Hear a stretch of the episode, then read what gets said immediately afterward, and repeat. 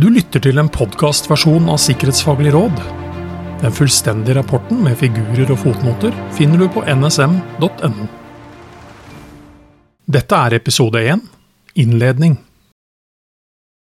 Sikkerhetsfaglig råd tar for seg de viktigste sikkerhetsutfordringene frem mot 2030, og hvordan Norge kan stå best mulig rustet til å møte dem. Rådet setter strategiske sikkerhetsspørsmål for perioden, og blir NSMs viktigste innspill i langtidsplanene til Justis- og beredskapsdepartementet og Forsvarsdepartementet for 2025 til 2028.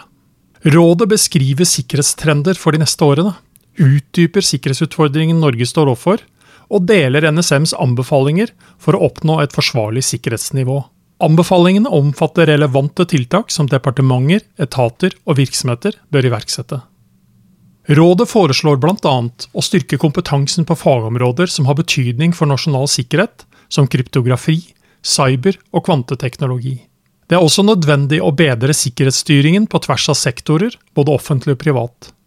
Sikkerhetsfaglig råd blir lansert våren 2023, i samme tidsrom som Fagmilitært råd, Forsvarskommisjonen og Totalberedskapskommisjonen. Samtidig pågår en rekke prosesser i ulike sektorer og deler av forvaltningen. Uforutsigbare tider krever høyere beredskap. Anbefalingene i Sikkerhetsfaglig råd må ses i sammenheng med de ulike prosessene. NSMs sikkerhetsfaglige råd er utarbeidet på et bredt kunnskapsgrunnlag. Det bygger på NSMs egne kilder om sårbarheter, risiko og sikkerhetsutfordringer i Norge, samt erfaringer fra rådgivning, testing, tilsyn og hendelseshåndtering. Beskrivelser av trusselbildet og sikkerhetstrender baserer seg på rapporter og informasjon fra Etterretningstjenesten og Politiets sikkerhetstjeneste, samt fremskrevne analyser i rapporter fra Forsvarets forskningsinstitutt.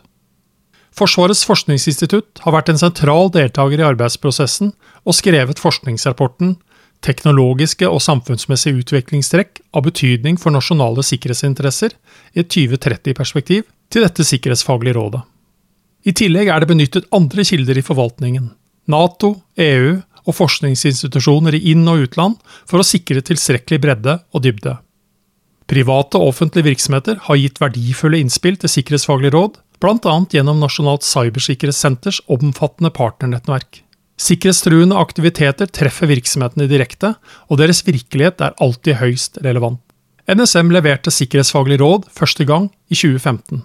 Rådet er i det store tatt til følge, og de fleste anbefalte tiltakene er iverksatt. Opprettelsen av Nasjonalt cybersikkerhetssenter var én av anbefalingene fra den gang. Du har lyttet til en podkastversjon av Sikkerhetsfaglig råd. Mitt navn er Roar Thon.